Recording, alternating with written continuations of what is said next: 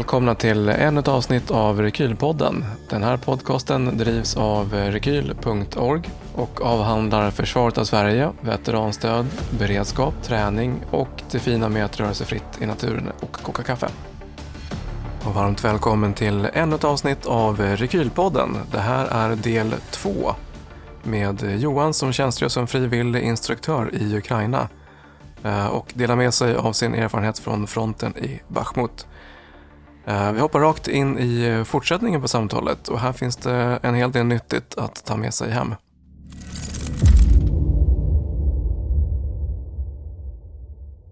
Just det. Då ska du ha tur att det finns att köpa. Peppa peppa så funkar postgången ganska bra. Så det är många som köper saker på postorder eller över internet och som kommer ett par dagar senare.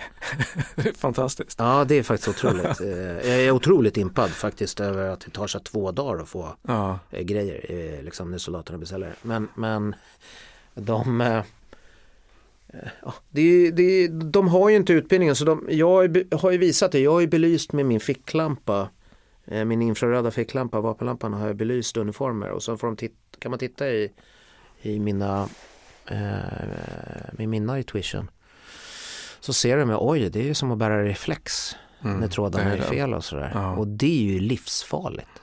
Alltså var tredje vagn eh, är på pappret eh, som ryssarna har har ju nya infraröda sikten från eh, Frankrike. Mm, Alltså, då, då syns du och då dör du ju. Mm. Men, men det är många som tycker att det är bullshit och inte bryr sig och jag vet att det är flera hjälporganisationer hemma som jag pratat med det som skickar ner saker som också garvar åt äh, det där är överdrivet, det gör ingenting de får ta det de får och sådär. Så skickar de även jaktsikten eh, som är nattsikten som har en aktiv infraröd lampa. Just det. Det är ju som att ha Ja. en fackla i handen. Hej, här är jag. Här är jag ja, exakt. Eh, De förstår inte det. Eh, allvarligt i det, att det är liksom, då är det bättre att inte ha det överhuvudtaget för du, du, du har ju ihjäl dina kompisar Mm. och dig själv. Eh, Hur ser så- förhållandet ut mellan Ryssland och Ukraina när det kommer just till eh, mörkerstriden? jag, jag, eh, jag tror att eh, Ukraina har dubbelt så bra som ryssarna Mm. eh, eh, ungefär. Men jag har inga siffror på det. Men det är vad jag hör rykten om, att de, att de satsar på det. Att, att ryssarna har så pass dåligt så att om Ukraina kan bygga upp den förmågan så kommer de kunna göra precis som vi gör, att välja kanske att strida mer i mörker när man har fördel då. Just det. Men, men jag vet faktiskt inte. Vad jag, vad, jag, vad jag har förstått så har ju eh, de ryska prioriterade band, förbanden har ju bra grejer. Mm. Eh, jag pratade med en kille som ja, det, han är en svensk kille som är där nere som har varit där. Han, han var i Kurdistan förut och krigade, han har varit i Afrika så, så man kan väl kalla honom för legosoldat kanske. Eh, Men han sa ju att, ja, ja, det är ju, alla säger jämt att ryssarna är så jävla dåliga men han säger så här, det finns ganska mycket bra ryssar också. De, de, de biter ifrån ordentligt. Eh, Och de har grejer liksom. Mm. Så att det är ju propaganda att de är så superdåliga jämt. Ja men det är ju precis den eh, Ja. bilden som eh, Ja. man får. Men om man tittar på förlustsiffrorna så är de ju väldigt dåliga kontra de andra. Mm. Men jag menar, är man tillräckligt många så tillräckligt många droppar på en sten så går den ju sönder. Liksom. Ja men så är det ju. Det är väl någon som sa det en gång till att även eh, kvantitet är en kvalitet. Ja, exakt. Eh, och och, och det, det märkliga där är att de inte verkar ha förändrat inställningen sen, sen andra världskriget Mm. eller första världskriget till och med kanske. De bara öser på. Och, och sen så liksom nöter de ner Ukraina på det sättet. Mm. Eh, Och så roterar de folk och så, jag menar de förbekämpar stenhårt och sen kommer Just det.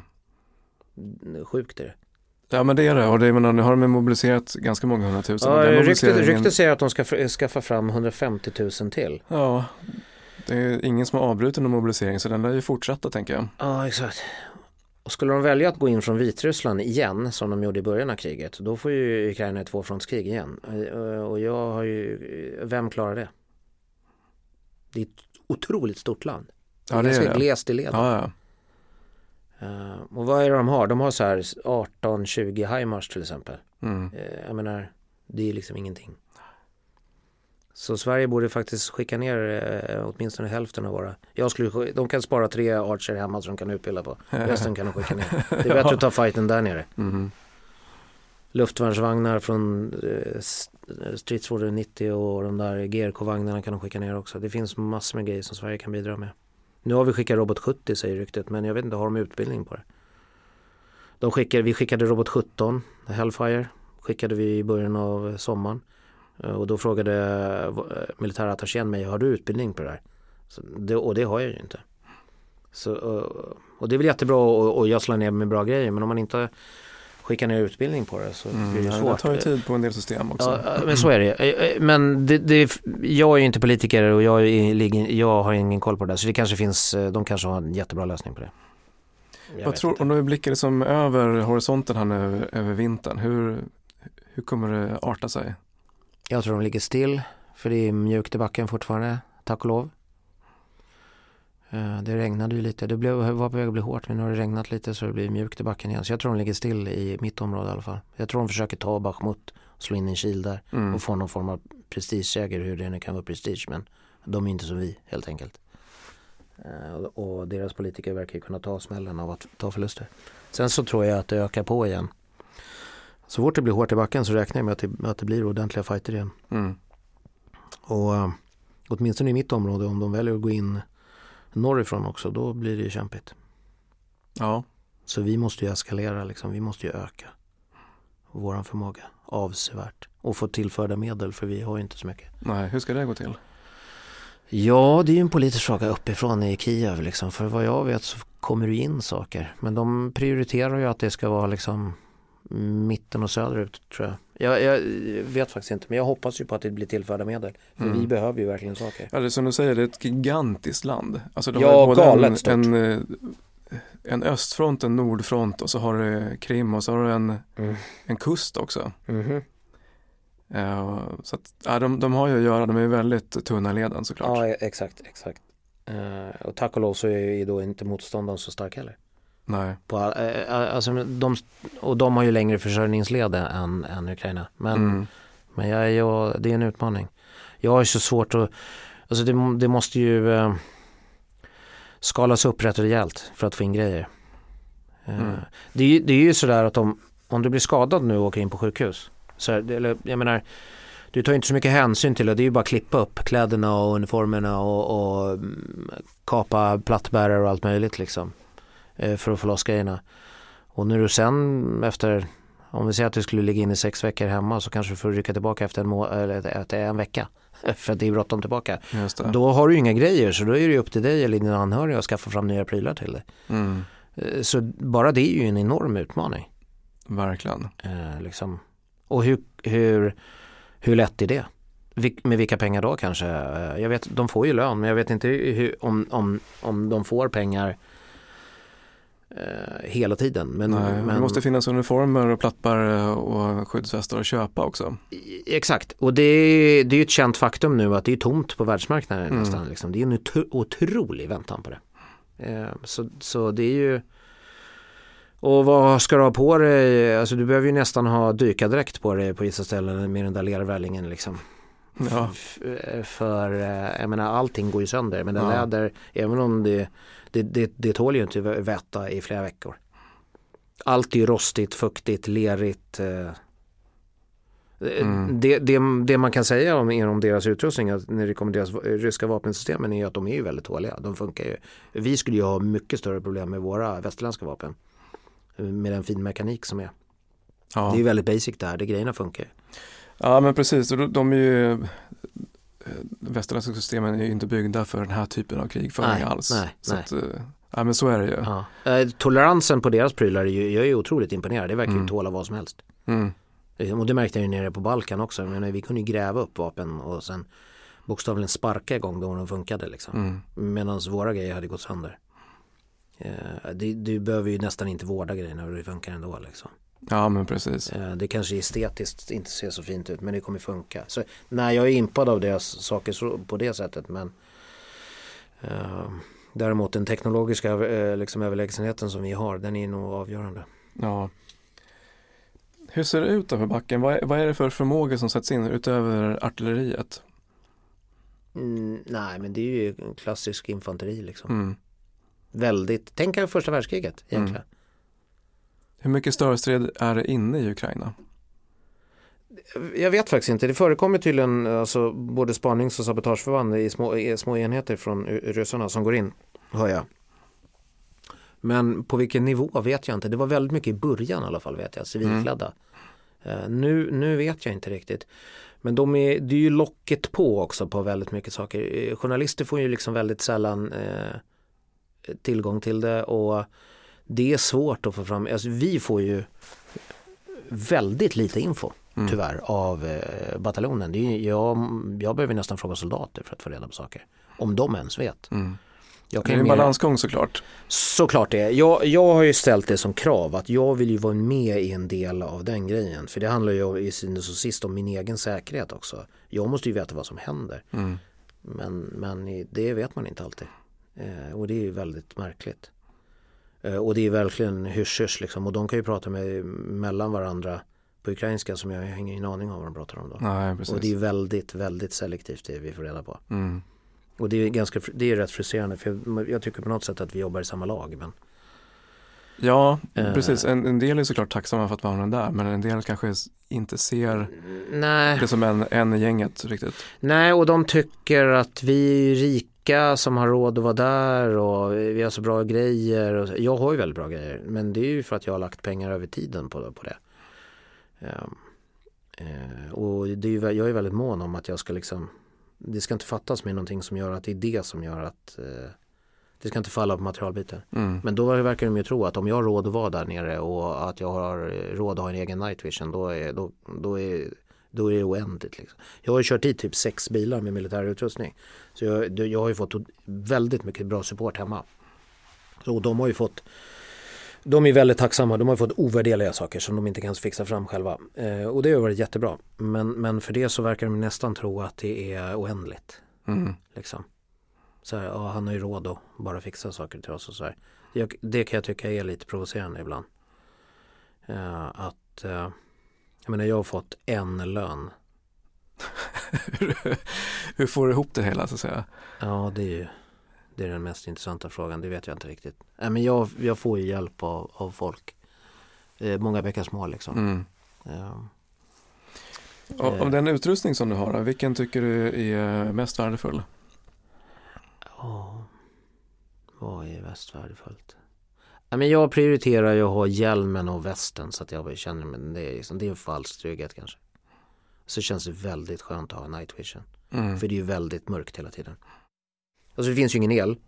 De har ingen gatubelysning där vi är redan från början så det blir ju när solen går ner då, eller nu på vintern så är det väl 15.30 kanske eller någonting. Så är det alltså, då är det totalt svart.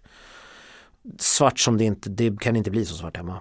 För det här är ju ute på landsbygden, mitt ute i ingenstans och det finns ingen belysning, det finns inga fabriker, det finns ingenting någonstans. Så det blir verkligen svart. Så det, ja, det känns väldigt skönt att ha mm. en militär night vision med sig. Mm.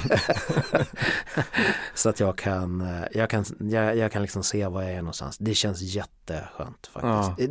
Ja. Och det är kanske en snuttefilt liksom, jag vet inte. Och ja, men det känns som en, eh, jag tror att den, ja, det viss mån har snuttefilt kanske, men mm. den, är också, den har ju en eh, eh, en verklig effekt. När du ja, det, jag, och jag har min egen bil där eh, och det är kanske ekonomiskt dåligt men det känns jätteskönt att kunna liksom. Vi hade en, eh, en instruktörsbil som var skänkt eh, men den har, den har de kört sönder nu, eh, ukrainarna har använt den. Men jag har min egen bil vilket de inte kan göra någonting åt så då kan jag bara om det skorpar till sig eller om jag inte vill vara där då kan jag hoppa in i den och åka därifrån och det är jätteskönt. Mm.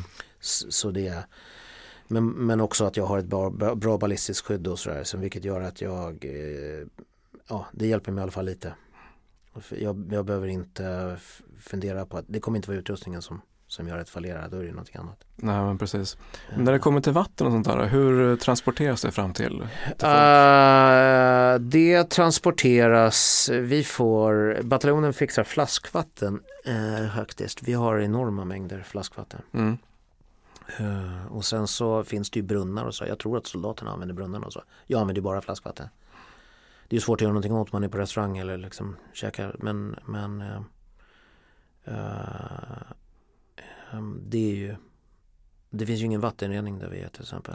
Nej, jag tänkte just komma till det. Hur Nej. just man ska vattenrena. Är, är det en förmåga överhuvudtaget? Nej, det är det inte. Mm. Det är det inte. Men den är begränsad hemma också. Mm, I, i Försvarsmakten. Det går inte, det är väldigt svårt att rena tillräckligt mycket. Men även om man kan klorera eller använda Puritabs eller Lifestraw eller någonting så. Men eh, jag menar flaskvattnet är säkert. Eh, Eh, en, för, en grej som jag verkligen uppskattar att ha med mig det är min egen jetboiler liksom. Det är ju verkligen skönt. Jag kan äta mina nudlar eller någonting utan att behöva gå till restaurang och jag vet att jag kan liksom trycka igång den ganska snabbt. Ja men exakt, och då Eh. kör den på, på bensin eller Nej, på, på gas. På gas. Mm. Ja. Och, och det är ju lite konstigt, de har ju en annan eh, fattning i, i, i, kopplingen på den så det går inte att köpa. Det går att köpa gas, de har jättemycket gas och sådär men den passar inte till våra. Så det jag insåg jag nu att det var liksom någonting jag ska ta med mig. Så det, nu är det löst. Ja, ja, någon liten adapter till den där. Ja, ja så, så men nej men sådana grejer är ju verkligen liksom avgörande. Och det har, soldaterna har ju inga soldatkök. Nej okej, så de får eh, serverat. Ja, de har ju, varje grupp har ju ofta sin egen kock och sen har de liksom en kompanikock eller vad man ska säga. Men Mm. de, ofta så åker de till affären och lagar sin egen mat i grupper och sådär. Mhm. Och liksom, de prioriterar det. Mm. Så de har verkligen, vi har varit på otroligt goda middagar när, vi ätit, när de har barbecue och liksom i somras och sådär. Ja. Det ser ut lite som att man är i en liksom hobbitby. Med så kullar och, och, Ja. och liksom så går man in under jorden och liksom så har de, de har ju sett tvättmaskin eh, som står utanför med ett elverk och det, de är verkligen liksom. Nu, det är lite mer miserabelt nu på vintern men i somras var det verkligen mysigt. Eh, det är välbyggt och det var väldigt, otroligt god mat. Faktiskt som de Mm. bjudit på sådär. Men då måste det också finnas en eh, logistikkedja för bränsle tänker jag till de här. Ja det finns ju, eh, det har de någon form av logistik. De har ju då eh, motsvarande kvartermästare liksom. Mm. Som, och sen fixare liksom som ju Det är otroligt viktigt att få den kedjan att Ja, funka. ja och, och nu vet jag inte hur det är men i somras var det ju ration, då var det ju ransonering. Mm. Då fick du tanka 15 eller 20 liter bensin för bensin är ju verkligen en smal sektor. Eh, diesel har ju armén så den är alltid större men du fick inte tanka mer än typ 20-30 liter i alla fall. Eh, och har du ingen ström så går det i alla fall inte. Så att, och då funkar inte pumparna. Nej. Men- Är, är det per, per vad? Med Per gubbe som kommer, per fordon som kommer. Ah, ja, okej. Mm. Per dygn eller hur Ja. funkar det? Ja, får man ställa sig sist i kön igen sen typ? Ja, och, och de köerna är ingen lek kan jag säga. Nej, jag och så det. kommer du fram och så är det stopp. Ja, Eh, Så att eh, där har ju vi en fördel då för vi jobbar ju åt armén så de fixar ju det till oss liksom. mm. Jag har inte haft några problem med det här tiden men jag har ju extra dunkar jämt med mig liksom. Mm. Hur mycket då? Eh, Jag brukar ha typ 60 liter. Mm. Eh, Och bilen tar väl 70-80 någonting så att det kommer jag långt på. Eh, Ja, då borde du kunna ta en bra bit. Ja exakt. Eh, och så, sen är det ju det här vanliga nojan liksom. Man, man, jag skvätter ju varenda dag för man har ingen aning när det tar slut. Nu i, när jag åkte hem här sist så, så åkte jag fyra timmar utan en enda mack som var öppen. Mm. Eh, och det är ju liksom helt sjukt. Eh, och har du bensin då kan, då kan du ha problem. För det, det, är, ju inte, det är inte någon stor liksom. Mm. Så man fyller ju på hela tiden. Eh, jag har inte varit med om att det liksom har varit tomt på macken utan snarare att det inte finns någon el. Liksom. Nej, men precis. Men det har ju Det varit behövs ju. frustrerande några gånger. Det kan jag säga. Men det är ju jobbigare att vara civil där. Ja, det lär det ju såklart Ja. vara. Och det, så, Som inte har någonting. så det där är, och det där tror jag är också en sån här någon grej som man har lärt sig från Försvarsmakten att liksom man, man tänker omfallsplanering hela tiden. Liksom. Vad händer om, vad händer om, vad händer om liksom. Mm. Jag skulle aldrig komma på tanken att, att, att inte så fort jag får chansen fylla på lite. Det kan vara att jag fyller på 10 liter bara. Men jag har ingen aning när nästa gång kommer. Mm. Eh, för så kan det vara. Och det kommer hela tiden till att, eh, att jag har alltid mycket vatten i bilen och sådär. Eh, jag har alltid filt, eh, en liten sovsäck och eh, liksom ett, lite varmare kläder i bilen. Även om det är mitt i sommaren. För det kan ju bli kallt. Man kan ju vara trött och sliten liksom. Och du kanske inte kommer någonstans. Och jag har en pump till däcken. Eh, och, och, och powerbanks massor. Liksom. För man har ingen aning. Nej, precis. Eh, Hur bor du när du jobbar där? Jag bor på, det är väl, ja det är ett hotell. Mm. Fast det är väl snarare som ett vandrarhem eller jag vet inte vad man ska kalla det. Men, eh, och det är helt, helt okej, de är supertrevliga. Ehm, eh, inte lika kul nu när vi har så mycket strömavbrott och vattenavbrott. Då bor man nog nästan bättre i, i um, skyttegravarna. För de har egna elverk och sådär. Mm. Så det har, varit, det har varit väldigt kallt på rummet. Tänka med det. Eh, I stenbyggnader liksom. Ja. Eh, och så blåser det så här. Vi hade ju någon vecka här när det var 10 minus och så blåser det liksom 15 sekundmeter. Det biter på rätt bra liksom. Det blir som ett ispansar över hela bilen och huset är liksom riktigt nedkylt. Så man kommer in efter att ha varit ute hela dagen så tänker man så nu skulle det vara nice att få lite värme. Men då fanns det ingen. Där kom ju jetboilen in liksom så man kunde åtminstone ta sig liksom, en varm soppa. Det, och det är, en, det är ju en utmaning. Men det går liksom ingen nöd på mig liksom. Det är inte, jag, jag har inte upplevt det som eh, omständigt men inte ett problem. Nej, just det. Eh, jag trodde inte ja, för att du jag, skulle ju kunna så här, packa bilen och åka hem. det, Ja det är klart man kan göra det och, och, och det, det ärligt talat så tror jag i den bekväma verkligheten som många lever i det tror jag de tycker absolut är ett alternativ. Men Mm. så känner inte jag, inte av de här. Jag har ingen aning om hur det skulle vara om jag levde där i två veckor, tre veckor, fyra veckor när det aldrig kom tillbaka. Det skulle nog vara rätt bökigt. Men då hittar man en lösning på det. Mm. Eh, Så det är ingenting man dör av liksom. Jag har jättemycket kläder så jag behöver inte tvätta speciellt ofta. Det är, eh, och, ja, det är bara att gilla läget. Det är liksom inga det, det finns de som har mycket, mycket, mycket värre. Ja men uppenbarligen, helt klart så är det så. Eh, vad, vad är det som ja. driver dig i det här? då? Eh, Egentligen är nog grundinställningen så här att jag tycker att eh, jag tycker att man ska göra någonting för andra och jag tycker att man ska vara jag tycker att det är viktigt att man ställer upp och, och om man kan hjälpa till så ska man göra det och då man kan liksom inte bara tro att det är någon annan som ska göra det man måste ju vara en del av det själv liksom. eh, vill man ha ett starkt försvar och ett fungerande samhälle så måste man vara en del av det Mm. man är, man har inte bara rättigheter man har ganska mycket skyldigheter också jag skulle nog Det vända är ju på en värld som Sverige har levt i ganska länge. Verkligen, verkligen. Eh, Och jag tror att om man började fokusera på vad man har för skyldigheter så kanske man, då kanske man kan strunta i sina rättigheter. De kanske bara kommer på köpet. Eh, och för att, att man inte har, så om man raljerar lite med folk liksom som är födda sent 90-tal eller kanske ännu senare. De tänker bara på sina skyldigheter hela tiden. Jag, jag, jag, jag, jag, jag. Och det tycker jag är otroligt provocerande. För att ingenting i det här livet är ju gratis. Det är ju någon annan som har betalat och byggt upp det här. Anledningen till att vi har det bra, för det har vi ju. Det är ju för att någon har kämpat för det. Mm. Eh, för vi klarade oss. Eh, eh, och åker man till andra ställen i världen där som är fattiga, där folk har det jävligt, då, de har en annan inställning. Men vi klarade oss från andra världskriget. Så vi har liksom aldrig riktigt lidit. Så vi har alltid haft det bra. Och vi tar allting för givet. Så jag tror att, jag, jag tror att det är viktigt att man är beredd att tänka så här, vad kan jag göra istället för att vad kan jag få? Eh, och, och, och de flesta saker som är nice är ju gratis. Ja men så är det, så- verkligen. Och, så har du din historia också av att jag har hjälpt till tidigare. Mm. Jo men vilket gör, jag märker, jag märker att, eh, utan att klappa sig själv på axeln, men jag tror att jag har en annan spänst än vad en del andra har. Jag tar inte så mycket för givet. Jag blir inte så frustrerad över om att det inte funkar, för det gör det ju inte. Ingen plan överlever ju kontakten med verkligheten liksom. Eh, jag, ja, det funkar ganska bra här jämfört med, hur det gjorde i Bosnien. Det var mycket mer friktioner där nere. Eh, och, och då hade man ändå försvarsmakten i, i ryggen. Här är man ju själv och måste råda allting. Mm. Det finns för och nackdelar. Mm. Men man har ju inte det där skyddsnätet. Så jag, nej men jag tycker att eh, man måste nog Det är många som gnäller över fåniga saker. Ja men så är det. Och det är också den här eh, förmågan till perspektiv. Mm. Har man, har man sett när det är som jävligast då kan man nog lite snabbare glädjas åt det lilla. Ja jag tror det. Man kan vara mycket snabbare tacksam för det som är. Mm. Jag, jag tror att det, jag försöker tänka hela tiden att glaset alltid är halvfullt och inte halvtomt. Eh, Det är ganska stor Ja, skillnad på det. Att man hittar det där.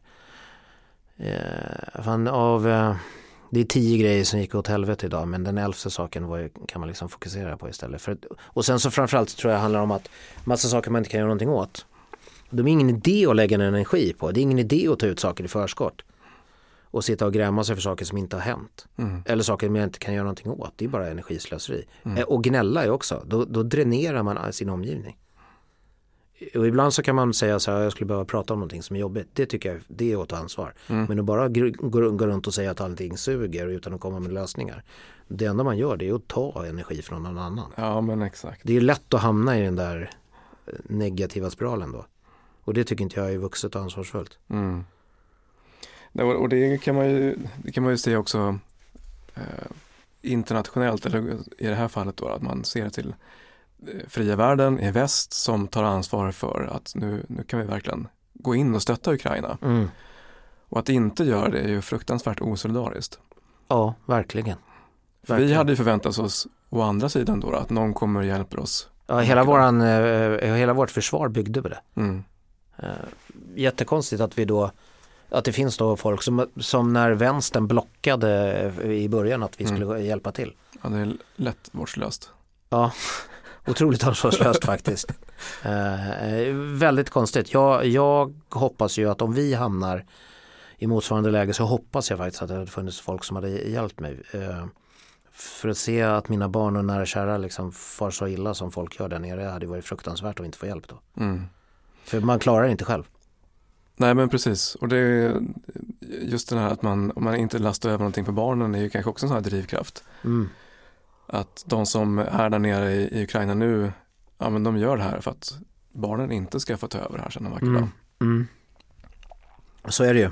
Eh, De, många av de där människorna där nere hade kanske valt ett bättre tillfälle om de hade fått välja det själva. Men, Mm. eh, men nu finns det ingen återvändo. Ger de upp nu då är det förgäves. Mm. Och det enda som kommer hända eh, enligt min bedömning är ju att om man nu skulle göra så som Macron säger att vi skulle ha något fredsavtal med dem då kommer de bara ladda upp igen och sen som några år så kommer de igen och gör samma sak. För de har ändå sagt att de ska utplåna landet och, och de, det de har visat hittills det är liksom det, det kan inte de kan inte gå ostraffade ifrån det. Mm. Och hela världen måste börja sluta tänka med plånboken och tänka att bli omvald. Man måste fatta hårda beslut nu. Bara strypa ut dem så att eh, sluta handla med dem. Ja men exakt, det är inte mäckigare än så egentligen. Nej det, det, det tror jag inte för att det, i, i synnerhet sist så är det ju pengar det handlar om hela tiden. Okej vi vill köpa billig olja och det här är priset vi får Mm. betala. Och, och sluta göra det då. Vi ställer om vår energi så behöver vi inte supporta dem längre. Nej. Och så vill Kina supporta dem bakvägen, vilket jag hör att de gör, då, då säger vi så okej Kina, då, då slutar vi handla med er också. Och, och det är ju det sista Kina vill, garanterat. Ja men de borde ha tittat på det här med ganska eh, stora ögon och Mm. sett hur effekten har kommit. Ja. Hur snabbt det blev sanktioner och, och hur enade väst har varit. Ja, exakt. Ehm, och, och i, att EU är ju Kinas största marknad. Exakt. Och då säger de så här, vill ni antingen så är ni med oss eller så är ni emot oss. Eh, Det finns ju ganska många ekonomier i Europa som mer än gärna skulle vilja lyfta hem sina fabriker och ha jobben där istället. Mm. Men, men då dör ju Kina. Och att Iran väljer att göra som de gör det är ju obegripligt. Men det, jag, Ja det där är ett mysterium också. jag tror inte att de överlever speciellt länge till om de fortsätter på det här sättet. Mm. Folk kommer tröttna. Det var ju liksom en, en framstående nation ända fram till, till de störtade shahen. Även om det var korruption och jävligt på många sätt. Men så som de har det nu och leva i på stenåldern det är ju för jävligt. Det finns ju otroligt mycket intellektuella människor. Jag menar ett av världens äldsta länder som nu vill leva Mm. på stenåldern.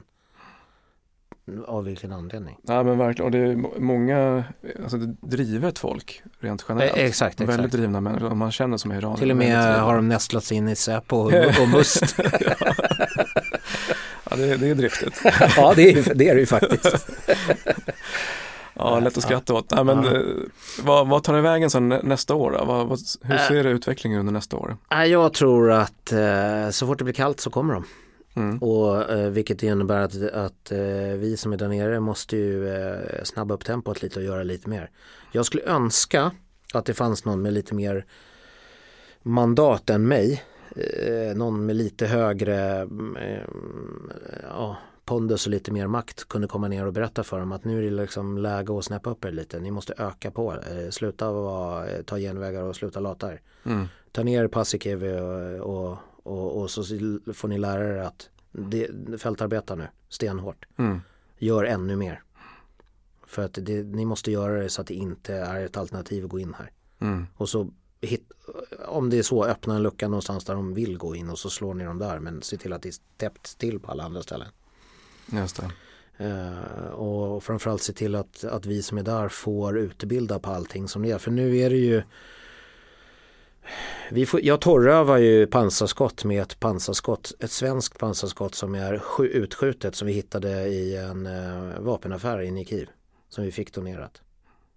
Några kamrater till mig som eh, tjatade till sig det. Mm. Eh, och det finns ju säkert flera tusen utskjutna pansarskott här nere. Och vi har sagt att vi måste ju ha någonting att öva med. Kan ni ge oss något så kan vi handhavande öva nu på dem. Likadant med, med Robot 57 men vi, det händer ju ingenting. Eh, det är hela tiden nästa vecka så kan vi göra det och sådär. Och hur realistiskt är det att man får, vi har ju några hundra pansarskott, svenska. Hur realistiskt är det att man öppnar upp förpackningen, fäller fram sikterna och ska skjuta sitt livs första skott mot en, en framryckande fiende? Vad är förutsättningarna för det? Ja det, men exakt. Det, det är ju... Men och, eh, om jag läser mellan raderna, det du skulle behöva egentligen är övningsexemplar. Ja, Egentligen bara för att torröva. ja exakt. Du behöver liksom bara, du förklarar hur man siktar, Mm. eh, de siktar. Den klassiska 9 mm eller 20 mm övningsvapen s- Just det. skulle vi behöva. Mm. Ehm, 9 mm hade varit ypperligt kanske för att det är inte så mycket risk på det. Men eller simulatorsystemen, det hade ju gjort enorm skillnad. Mm. Eh, och det, sådana finns det ju. De är ju. Det är ett barn kan lära sig använda dem. Så, så pass bra är de ju där vapnen. Eh, så att vi kan börja breddutbilda för det är, ju, det är ju varenda kotte ska ju kunna de där sakerna. För det blir en tröskel. Mm. Eh, Helt klart. Eh, Finnarna har fantastiskt granatkastarsystem. Eh, Ta ner sådana så vi får in sådana på plats. Eh, Jag vet att nu är det väl liksom brist på Robot 57 säger de. Men, men, men du får ju nästan 10 Robot 57 på en, en Javelin. Eh, Det är ganska mycket, liksom, man kommer rätt långt. Säkert eh, 10 p-skott på ett eh, 57. Eh, de, no, de, du får eh, 100 typ. höll jag 100 på att till och med. Ja. Ja. Eller någonting sånt. Jag GRG då, det är det någonting som eh, Vi har ett granatgevär eh, som är donerat av kanadensarna som hade utbildning på det. Jag har inte sett det men de säger att det finns ett. Eh, den är jag bra på så den hade jag hoppats. Jag har faktiskt bett om att jag ska få den eh, och, och låna den för att börja utbilda på den. För det är ju, det är ju ett supervapen. Den kan du ju verkligen göra. Med de nya granaterna, granat 23 eller 751 eller 551 då kan du ju slå ut vad som helst. Man har ju till och med skjutit ut en T90 med, med eh, granatgevär. Den där är ju fascinerande. Ja, de sköt den eh, snett bakifrån och den slog ut den. Mm. Eh, Min bedömning är ju att, att ryssarnas grejer är sämre än vad vi hade trott och våra vapen är faktiskt lite bättre. I teorin så, så kanske den ska funka men jag gissar att det är som allt annat där. Korruptionen har, har liksom ätit upp prylarna så att man tillverkade superexemplar enligt alla kravspec. Och sen så vart efter kedjan gick så tog man lite av pengarna och köpte in lite billigare material. Just det. Eh, för nu vet jag att man har skjutit hål rakt i sidan med, med pansarskotten eh, på en T72. Och, och det är den ju inte gjord för. Men eh, de älskar ju pansarskottet, vilket jag förstår för det är, det är så pass enkelt att använda. Eh, och- det vet ju var- Ja, varenda, det är någonting varenda att ta med sig. Mm, ja, så det, det kan jag ju säga att våra vapen som Sverige producerar är ju outstanding. Eh, det finns många vapen som är bättre än våra vapen har jag förstått. Men som kostar hundra gånger mer eller tusen gånger mer och som är jättesvåra att använda. Våra kan vem som helst använda och vi kan verkligen få verkan i dem. Jag Mm. tycker om det är några som, som, eh, som skulle få Nobels fredspris så är det väl Saab Dynamics med deras. Nej men de är fantastiska. Jag, jag, eh, jag tycker ju att eh, jag tycker ju att de, svenska grejer är ju, är, ju, är ju fantastiska faktiskt. Eh, och jag kan verkligen ge en stor eloge till simulatoravdelningen på Livgardet som har utbildat mig. De är, de är magiska. Ehm, det är ju eh, Ja, alltså mitt hjärta värmer ju extra mycket för Livgardet såklart. Men, Mm. Mm. men, eh, men eh, nej, jag ty- det, det är magiskt. Det, det, det är otroligt bra. Otroligt bra. Ehm, mer sånt. Så Sverige kan skicka fram några till. Speciellt de som heter CS då som man kan skjuta inomhus med. Just det, precis. Eh, Så då får man Men överhuvudtaget granatgevär så säger jag så här, det, eh, det är ju ett vapen som de älskar där nere också. Den är Mm. så pass enkel att använda. Och man kan använda den igen, igen, igen, igen, igen, igen. Liksom. Mm. Ja, jag kan tänka mig när det kommer till andra system att även eh, Gripen hade varit en Ja, den säger, de, den säger de. Och den tror jag faktiskt, jag menar det där att den kan landa på så små banor, att den kan eh, multitaska och att den krävs så lite underhåll. Att det är, det är bara tre personer som, eller vad det är, två tror jag till och med om man anstränger sig som kan få den att funka. mm. Kontra 15-20 på amerikanska systemen. Så den, det hade ju varit, vilken försäljningsgrej. Alltså ner med alla våra svenska grejer så, så så kommer aktien stiga. Det kommer vi tjäna på. ja. Det kan inte finnas bättre re- reklam. Bruttonationalprodukten den stiger. Ja, ja men exakt, då får vi åtminstone igen en del av det vi don- donerar. Sen i det, i det stora perspektivet så tycker jag faktiskt att det är så här att vad är, vad, är, vad är Försvarsmaktens roll? Det är ju att försvara Sverige. Och just nu så försvarar vi den bättre i Ukraina än vad vi gör hemma. Apropå flyget, är det någonting, används flyg fortfarande? Absolut. Mm. De har ju, eh, ja men man ser dem ibland. Jag har sett lite helikoptrar, jag har sett några, några flyg och de gånger, eh, sist jag såg flyg var faktiskt i eh, oktober. Och då är, det var vi en, en blockpost, så kom det en, två, tre eh, Su-24 eller vad de har där. Kommer Jag, jag kommer inte ihåg men. Och då var det så här stående ovationer som folk gjorde vågen så här vid den där det var kanske hundra personer som stod där och alla gick ut bilarna "Wow!" och applåderade så här. Sitt du får den effekten på folk. Det, Ja, det exakt. Jo, så. men det är hoppingivande. Ja, Eh, De har ju stått på backen och inte kunnat göra så mycket, så det Mm. är ju fantastiskt. Eh, eh, Och helikoptrar har jag sett några gånger, de flyger väldigt lågt, så det, de ser man ju då. Ja, men exakt. Mi 8 tror jag. Så de är, nej men det, är- nej men det är häftigt. Men Mm. jag, jag tror att de är ganska långt söderut och, och när jag, mest sö, södra områden när jag har varit, då har det varit så mycket annat så jag har liksom inte sett något sånt. Nej. Eh, Men jag har inte sett någon flyga upp hos oss. Överhuvudtaget så hos oss ve- eh, säger rykten att vi ska ha HIMARS och de säger, och jag vet, jag har sett stridsvagnar någon gång och att vi ska få ha artilleri men de är, vi har ju lite ställen vi får inte röra oss i så här, så de är gömda. Eh, Men, men ryktet säger att de finns. Så. Just det. eh, Ja, det, är, är- precis, det gäller ju att planera för alla tänkbara Mm, scenarier. mm, så man inte mm. står där med rumpan bara plötsligt. Ja, exakt. Jag, eh, den stora utmaningen är väl, eh, är väl log- logistiken kan jag tänka mig. Ja. Det är, eftersom, det är så stort. Landet är ju enormt så det, det är väldigt långt att, att, frakta sakerna. Mm. De är ju rätt exponerade när de kör längs med vägarna. Verkligen. Eh, och allting kommer ju in på nätterna från Polen. Eh, och så åker de ju, om de blir, eh, om det inte går att laga på plats då fraktar man ju dem västerut och så lagar man dem i Polen och så tillbaka igen. Just Så det. det där är ju så här lite ja, Polen är ju absolut indraget i det här. Eh, ryktet säger att de ska placera Patriot längs med gränsen till Ukraina ju. Mm. Så att då, för då kan de ju täcka upp en del av Ukrainas Ja, men precis. luftförsvar. Och det hade ju Ja. varit väldigt bra. Jag vet inte riktigt, det finns väl säkert någon sån juridisk regel om att då kommer deras raketer skjuta in över över Ukrains luftrum eller jag vet inte. Så det kanske de kan ta. Ja, ja exakt, men de verkar ju bråka lite mellan varandra och de är, de historiskt sett är de ju inte kompisar. Mm. Och det är väldigt mycket politik i det där. Ja, jag kan tänka mig det. Och samtidigt så är det, det är många, väldigt många flyktingar som bor i, Ja, i ja Polen har ju gjort enormt mycket Ja, faktiskt. Eh, De har ju verkligen eh, så som jag önskar faktiskt att det ska vara. Mm. De har ju verkligen öppnat upp sitt hem. ja, helt klart. Tack och lov. Eh, Vad är det och andra för förmågor som, eh, har, har, du märkt, hur eh, har du märkt av cyberförmågan i, i Ukraina? Att nätet ligger ner, att de slår Mm. ut nätet, det gör de ju. De stänger ju ner. Mm. Det har jag absolut märkt. Ehm, eh, och, och eh, några gånger har vi fått bekräftat att det är så, men andra gånger har vi förstått att det är så. Mm. Men det har de ju absolut gjort. Eh, det är nästan alltid så i Charkiv till exempel. Där är det ju så här, vi har ju stått tre, fyra pers och tittat på GPSerna och bara, vad är det som händer? Just det. Man kommer inte ut därifrån liksom. Ja men det har väl varit ja, ganska bra på också, har de inte det Jo. historiskt? Jo, Mm. eh, och, och, och i, Ba- i Bachmut är det ju väldigt ofta som det är i cirkus liksom. Mm. Eh, och det är väl för att man helt enkelt inte ska kunna använda GPS-grejer och att folk inte ska kunna använda mobiler och så. För ryssarnas eh, sambandssystem bygger på 4G och, och sen så ringer de med telefoner. Det är ju rätt bra att slå ut den grejen. Mm. Så, så använder man bara Motorola till exempel. Man, man, ja, handburna radios då. Och då, då bekämpar man ju ryssarna och begränsar deras möjligheter. Just det. Så det, det tror jag de är ganska bra på. Ja.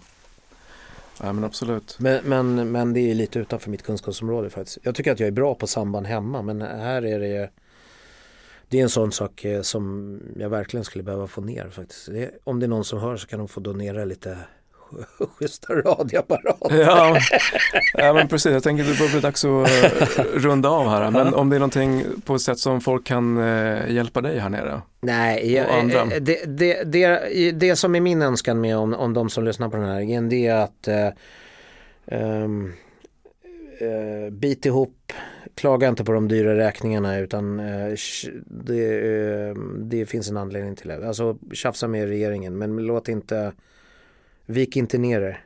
Låt inte det här kriget vara förgäves. Eh, utan anledningen till att vi är här är ju för att vi har tillåtit att bli här. Mm, lite grann så. Uh, och tänk på att ni har 72 timmar i skyldighet att klara er hemma. Så sluta leva för dagen. Mm. Ta ansvar så ni slipper vara en belastning om det händer något. Är det några fler organisationer som man skulle kunna supporta? Uh, ja, men blågula bilarna tycker jag är fantastiska och jag tycker uh, de som jag känner till där som jag kan gå i god för det är Operation Aid också. Just det. Vi skickar länkar till båda här. Ja men det är en bra idé. Uh, och uh, Pickup-Jonas är en, en, bra, han levererar bilar. Mm. Um, och, uh, Sverige måste vara dammsuget på fyrhjulsdrivna pickuper det här laget. Ja, man kan ju tycka det. Uh, och om det är någon som jag skulle verkligen uh, tycka vore bra så är det faktiskt Okänd soldat. Mm. han är nog den största svenska hjälten. Han har varit här länge, han behöver hjälp. Mm. oh. jag är, om någon vill lyssna så är jag väl tacksam för det. Ja men supervärdefullt. Alltså jag tror eh, överföringen av Slice of Life nerifrån Ukraina är väldigt värdefullt.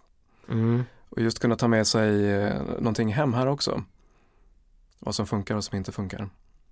Mm, vi får väl uppdatera det framöver. Ja. Hur länge är du nere härnäst? Ja, jag försöker att inte vara borta mer än 8-9 veckor. Jag vill inte alltså barnen får ju ta stryk av det här. De verkar vara ta det med god ro men de, nu verkar de förstå läget också. Men, men jag vill inte vara borta för länge för jag saknar dem jättemycket och sen har ju de inte begärt att, att deras pappa inte ska vara hemma. Det är ett val jag har gjort. Mm. Eh, så jag vill ju, eh, tack och lov går det ju ringa till varandra men det är inte samma sak som att träffas. Nej men precis. Och, och, och sen må jag jag känner att det är bra för mig att ta några dagar ledigt också.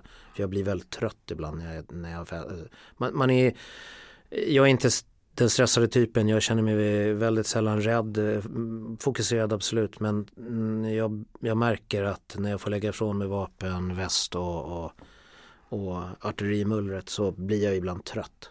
Och det är skönt att få den, den där avbräcket ett par dagar. Mm. Och få leva igen. Liksom. Eh, jag ska säga att jag trivs verkligen bra. Jag, jag känner att jag är på rätt plats. Men, men eh, det är klart att, att man blir trött ibland. Fullt förståeligt. Ja, men tack som fan för din mm. insats tack där nere. Tack, ja. tack Rekyl för att ni är så grymma. Tack. Ja, men det, Vi verkar ofta dela eh, samma livsåskådning. Ja, jag misstänker det. Det är samma skrot och korn. ja, det får säkert bli uppdelat i två avsnitt här. Ja, vi får se. Det är upp till dig. Ja, mm. vi, eh, vi hörs framöver igen. Ja, Tack ska du ha. Tack. Tack. Hej. Passa på att eh, prenumerera på podden och tveka inte att ge den betyg. Det här gör det enklare för andra att hitta hit. Eh, länkarna från avsnittet hittar du i show notes och oss på Rekyl hittar du på rekyl.org. Och till sist, se till att öka din handlingsfrihet genom att ge dig ut och träna. Tja!